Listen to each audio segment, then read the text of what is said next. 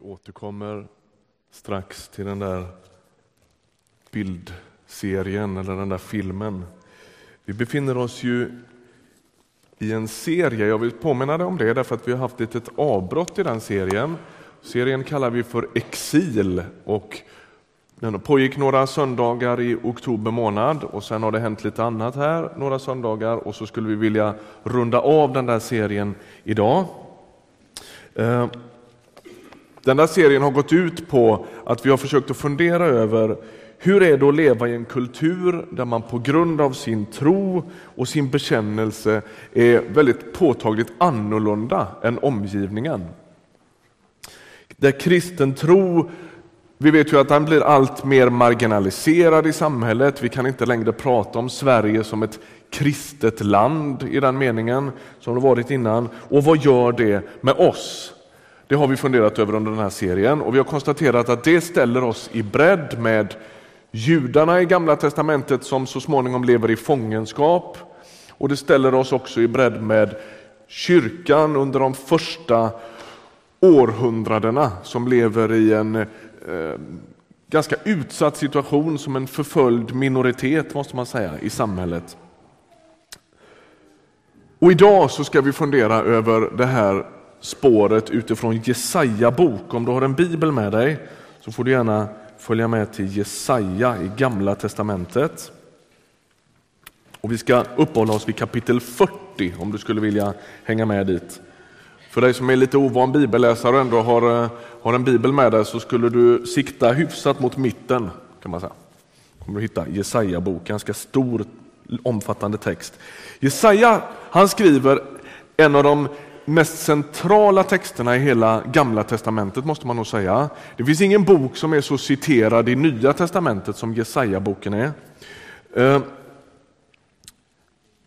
han lever någon gång på 700-talet, riktar en hel del ganska skarpa ord mot folket.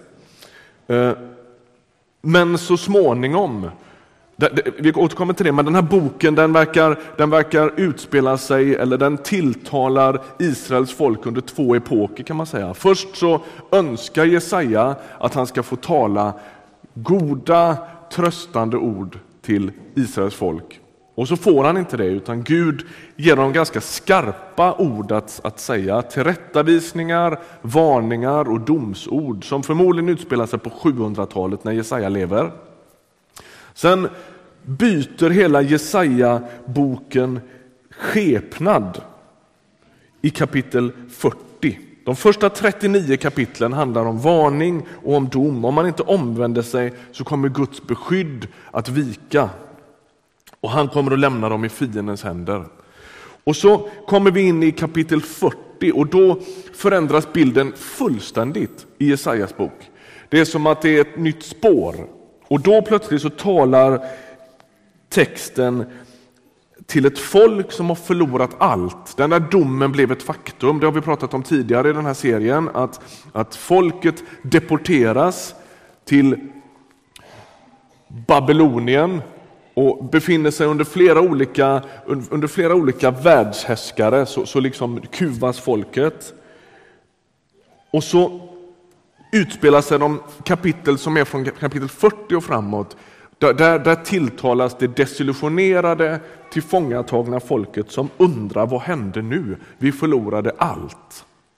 Och därför brukar man, vi ska inte fastna vid det nu, men man brukar prata om den första Jesaja och den andra Jesaja. Att förmodligen är Jesaja-boken liksom samlad profetskrift ifrån mer än en profet. Därför att den spänner över sånt, sånt stort tidsspann. Och då ska vi läsa från Jesajas 40 kapitel och vers 12, där det står så här. Vem mäter upp havet i sin kupade hand och himlens vidd med sina fingrar? Vem häller jordens mull i ett mått, väger bergen och höjderna på våg? Vem kan styra Herrens tankar? Vem ger honom råd och kunskap? Vem rådgör han med? Vem kan ge honom vishet och lära honom den rätta vägen, skänka honom kunskap och leda honom till insikt? Folken, de är som droppar ur ett ämbar som dammkorn i en vågskål. Fjärran länder väger lätt som stoft. Libanons skog räcker inte till ved, dess djur förslår inte till brännoffer. Alla folk är som intet för honom, som mindre än intet räknar han dem. Och Den här texten den inleds med en rad retoriska frågor. Vem är det som mäter havet? Och så vidare. Va? Vem är det som väger hela bergsmassiven? Så. Och jag vet inte om du, du som är van bibelläsare, du känner säkert igen det här sättet att argumentera från en annan bibeltext, från slutet på Jobs bok. När Jobb tycker att hela, till, han inte bara tycker det, utan hela hans tillvaro fullständigt krackelerar. Han blir av med allt som han håller för kärt och dyrbart. Och frågan om lidandets problematik står liksom och väger i Jobs bok. Då, va? Alltså vem är vem i allt det här? Vem är aktör? Vem är huvud och vem är svans? Vem, vem, vem styr i omständigheterna? Och, och varför är goda människor med om onda saker? Och så vidare. Och där i Jobs bok, där, där frågar Gud Jobb, var var du när jag la jordens grund? Var var du då? Underförstått, Gud presenterar sig som, som skaparen, som den som håller liksom hela tillvaron i balans. Han talar om snöns förrådshus. Hoppas inte han tänkte öppna dem på ett tag. Jag tycker de snön gärna får vara kvar i förrådet. Det är okej okay för mig. Vad var du när jag la jordens grund? Och båda de här ställena de handlar liksom om Guds storhet, hans förmåga att ta vara på människan. Och det här kapitlet, Jesaja 40, det svarar mot en sorts fråga som har uppstått hos folket, nämligen är det så att Gud inte kan bättre än så här?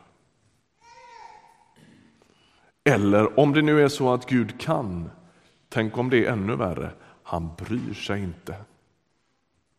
Därför att så ser omständigheterna ut för Israels folk. De är tillfångatagna av babylonierna. Och då blir frågan den här, om babylonierna kan kuva Guds folk, om de kan ödelägga Guds stad Jerusalem, då kanske slutsatsen måste vara att babyloniernas gudar är starkare än våran Gud. Det blir, det blir liksom den stora, alldeles avgörande frågan. Tänk om det är så att vår Gud inte kan bättre än så här. Han kanske har tappat greppet. Och då berättar Jesaja om hur Gud mäter havet i sin kupade hand. Hur han mäter himlens vidd med sina fingrar. Låt, låt mig ta två stycken exempel på hur Gud kan skönjas i skapelsen. Det första är i det lilla perspektivet, ögat. Nu finns det ju läkarstudenter här inne, så nu är jag ute på hal is, jag inser det. Men jag har läst till, annars så kan inte jag detta. Eh, synnerven i ögat har en miljon nervtrådar. En miljon nervtrådar i ögat och förmedlar mer information till hjärnan än något annat sinnesorgan. En sorts sensorisk information, jag ber om ursäkt till tolken, eh, färdas från ögat genom långa så kallade cellextensioner som kallas nervfibrer. Nu sitter alla och tänker på tolken, det där var inte smart. De här fibrerna de samlas ihop och lämnar ögat i en, sorts, i en, i en bunt som kallas den optiska nerven. Den här nerven med en miljon nervtrådar i kopplar ihop ögat med hjärnan och gör så att det vi ser, den visuella information som, som liksom med hjälp av, av elektriska impulser som, som rör sig i ögat översätts från öga via en miljon nervtrådar till hjärnan. Det är tämligen häpnadsväckande, eller hur? Låt mig ta en annan bild. Rymden, vi var ju där innan i den här filmen. Vår galax den heter Vintergatan, så långt tror jag att de flesta är med. Den snurrar runt sin egen axel som en enorm skiva ute i rymden. Ett galaktiskt år, alltså den tid det tar för den här galaxen att snurra ett varv, är någonstans mellan 200 och 225 miljarder år tar det för den här att snurra ett varv runt sin axel. så att säga. Det är den galax som vi befinner oss i. Vår galax Vintergatan den är ungefär 100 000 ljusår tvärs över. Alltså det tar ljuset 100 000 år att färdas rakt över där. Den innehåller 400 miljarder stjärnor och det betyder att varje invånare i Sverige skulle, om vi skulle dela upp de där stjärnorna så skulle vi få 44 444 stjärnor var. Bara sådär, du behöver inte lägga det på minnet, det är ingen viktig information. Men jag försöker bara liksom öppna perspektiven lite. Galaxen Vintergatan, denna jätteskiva som snurrar i rymden, uppskattas vara en av ungefär 100 miljarder sådana galaxer i universum. Någon gav en bild och sa så här, om du föreställer dig ett jättestort lastskepp som väger 90 000 ton, så kan man säga att om du skulle jämföra Vintergatans plats, alltså Vintergatan i relation till alla de där andra galaxerna, så är det som om du prickar en skruv i skrovet på det där lastfartyget. Så den där jätteskivan som snurrar och det tar 225 miljarder år för den att gå ett varv, den är en skruv i det där lastfartyget. Jag vet inte vem som har räknat på detta och vem som kan gå i god för att det är sant. Men håll med om att det öppnar lite perspektiv, eller hur? Och när Israels folk funderar över vilka gudar är det som egentligen har makten är det Babyloniens gudar som verkar liksom på något sätt finnas i överläge? Eller är det våran Gud, den enda guden som de kallar honom för? Och då påminner Jesaja dem och säger, hallå, vem är det som mäter haven i sin kupade hand? Vem är det som spänner stjärnevärldarna mellan sina fingrar? Sug på den lite. Att det står att Gud spänner de där galaxerna mellan sina fingrar.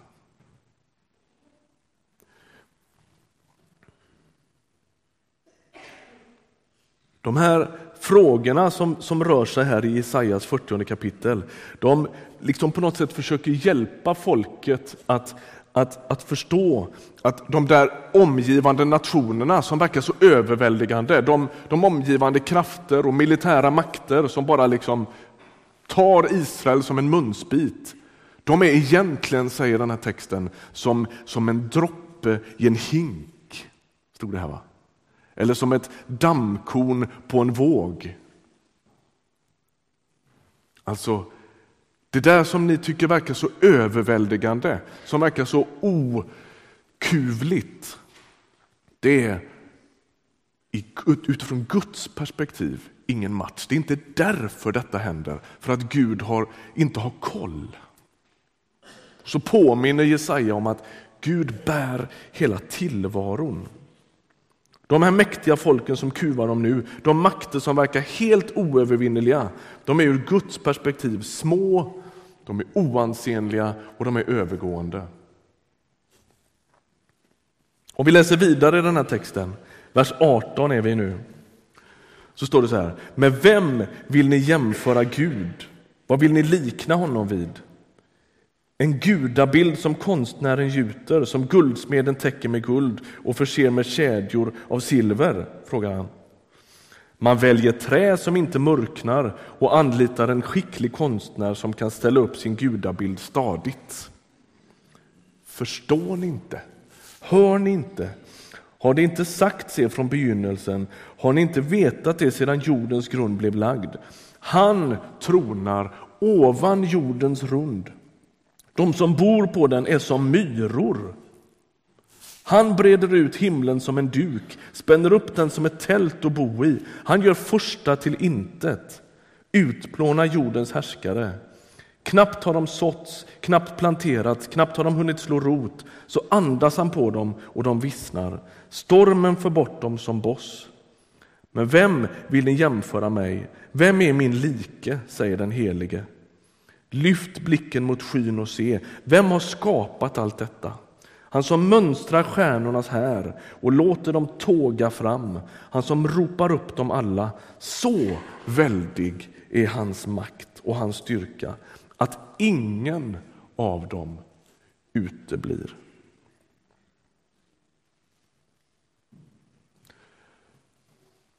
När Israels folk jämför den levande guden som har skapat allt och som håller hela tillvaron uppe med babyloniernas avgudabilder som är, som är statyetter som de har gjort själva. Då liksom hör man riktigt hur, hur alltså indignationen hos profeten, hur hela livet kan vi prata om det på samma dag ens?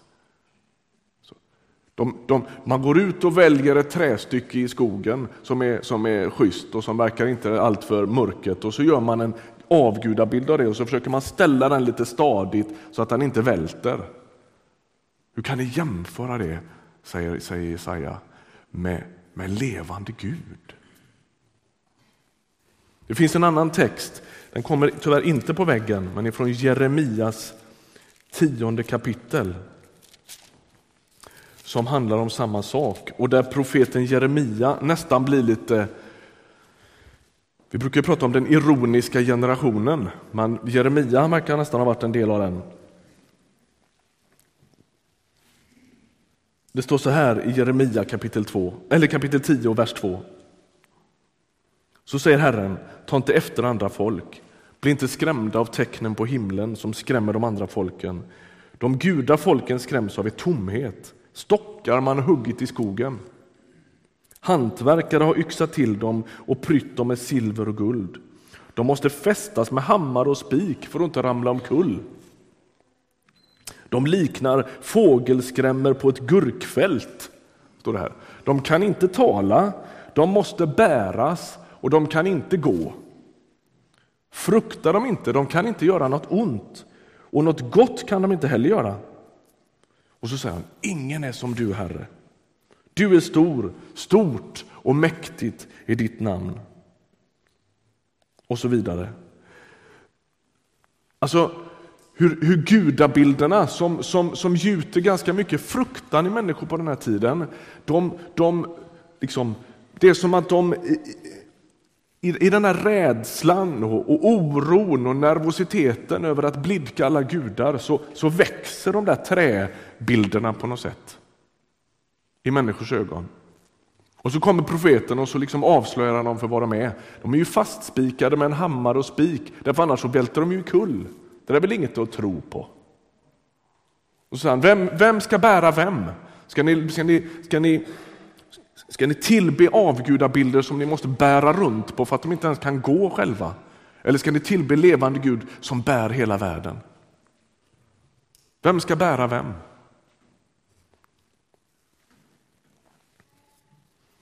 Jag kan inte låta bli i de här dagarna att tänka på de krafter som vi tycker verkar regera hela världen. När valutaunioner rycker ut för att stödköpa och, och, och greja till max över Europa därför att man ska försöka rädda ekonomin. Där marknaden talas, det talas om marknaden som om det var en person. Marknaden blir besviken. Marknaden reagerar positivt. Marknaden tog ett glädjeskutt. Vem är det? Håll med om att det är skumt. Och vi, vi vidtar åtgärder för att blidka marknaden. Alltså, låt oss det, det är inte oviktigt. Det har med människors väl och ve och arbete och försörjning att göra. Vi ska inte, liksom, det som händer i Europa nu är inget att skoja om, men, men det är inte marknaden som ytterst bär världen, det gör Gud. Det gör Gud. Han bär världen. Han kommer att få sista ordet. När General Motors vägrar att sälja Saab till kineserna därför att vi är så måna om marknaden och aktieägarna. Så tänker man, tänk om, tänk om någon företagsledning skulle säga vi är mer måna om de anställda än om aktieägarna. Det vore ganska bra. Vem är marknaden? Vem är det som ska blidkas? Vad är det för krafter som, som liksom växer runt omkring oss eh, och liksom verkar bära hela världen. Då kommer profeten och så påminner han oss om att de där krafterna, de, de är inte den yttersta auktoriteten i tillvaron. Det är Gud som är det. Han spänner stjärnorna mellan sina fingrar. Han behöver inte hjälp på traven. Han behöver inte bäras. Han behöver inte spikas fast. Frågan kvarstår fortfarande. Om Gud kan så betyder det inte per nödvändighet att han vill. Vi läser vidare vers, i kapitel 40 i, i, i Jesaja.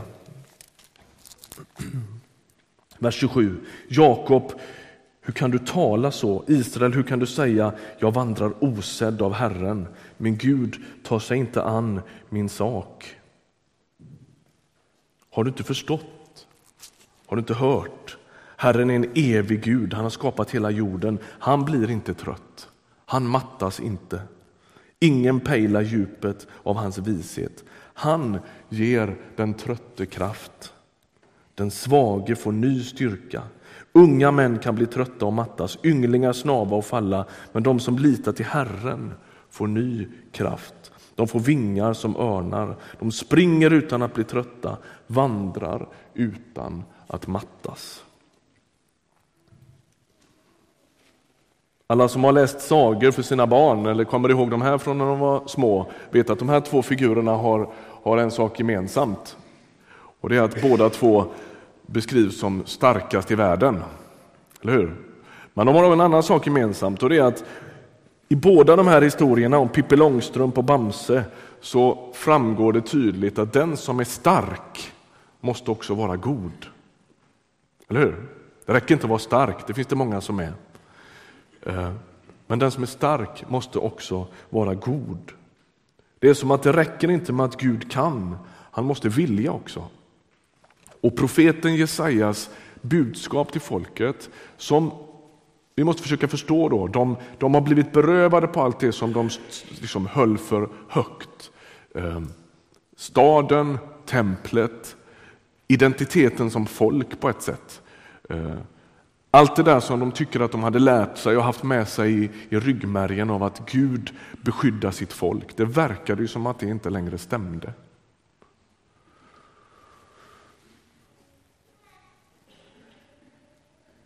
Och så är det som att profetens hälsning till dem är Gud har inte glömt er. Gud har inte övergett er.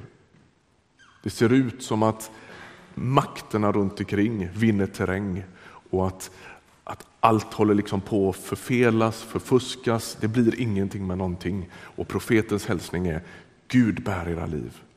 Gud bär era liv. Han har inte glömt dig. Han har inte glömt din situation. Han har inte glömt din, din kamp. Han har inte glömt din liksom, vånda. Allt det som du, som du liksom, som bara verkar överväldiga dig. Man tänker, vad blir det av det här? Var finns Gud i allt det här? Hans hälsning är, Gud har inte glömt dig. Han bär ditt liv.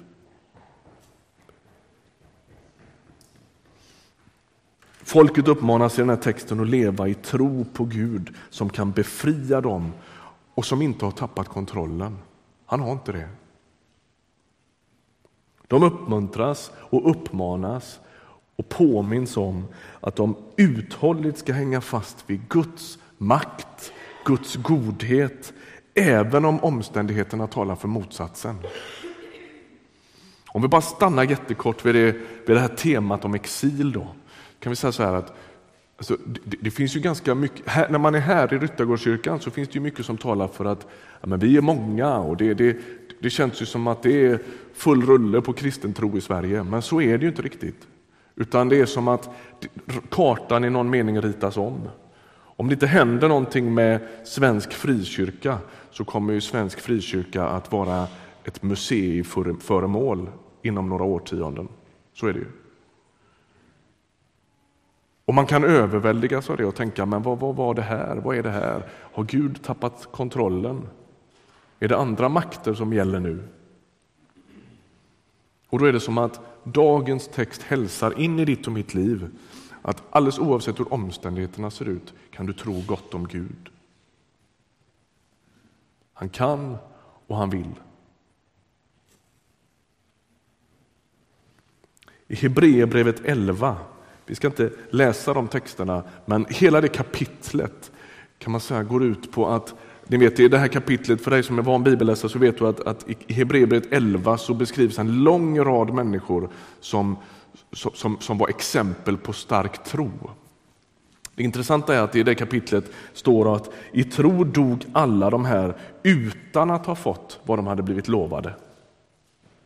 Så rundas det där kapitlet av. Mose höll ut, står det där, därför att han liksom såg den osynlige. Ingen av de där som, som uppräknas fick se löftet uppfyllas. Och så är det som att både Nya testamentet och Gamla testamentet säger att tro, det är inte att hela tiden få exakt allt man ber om, utan tro är att envist hålla fast vid att Gud är god, även när omständigheterna talar för motsatsen. Och Det skulle jag vilja skicka med dig idag.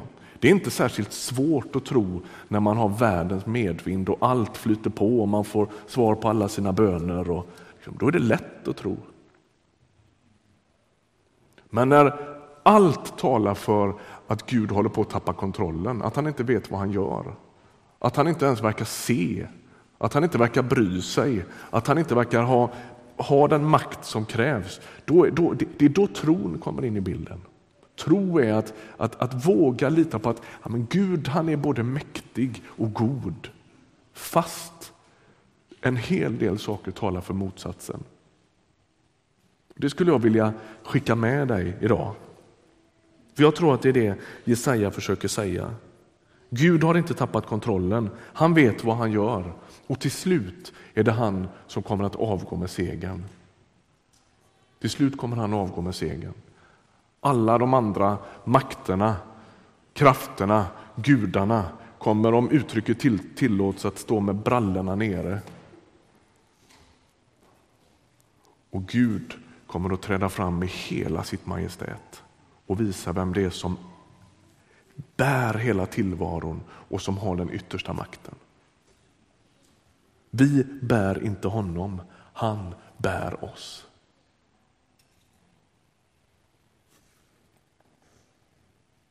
Och poängen idag, det är Gud kan och han vill bära våra liv. Hoppas på honom. Hoppas på honom. Lita på honom. För det bär och det håller. Amen. Ska vi be? Herre, tack för att du, att du inte är som andra avgudar utan du är den enda verklige guden som håller hela tillvaron i din hand.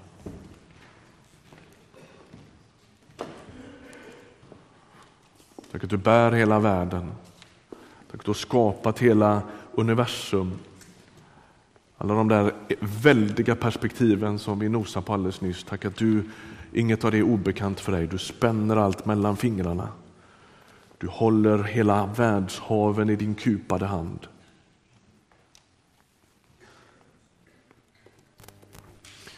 Nu vill jag be för den som sitter här inne i Ryttargårdskyrkan idag och som har överväldigats av en sorts oro, rädsla, fruktan för att du inte längre har koll.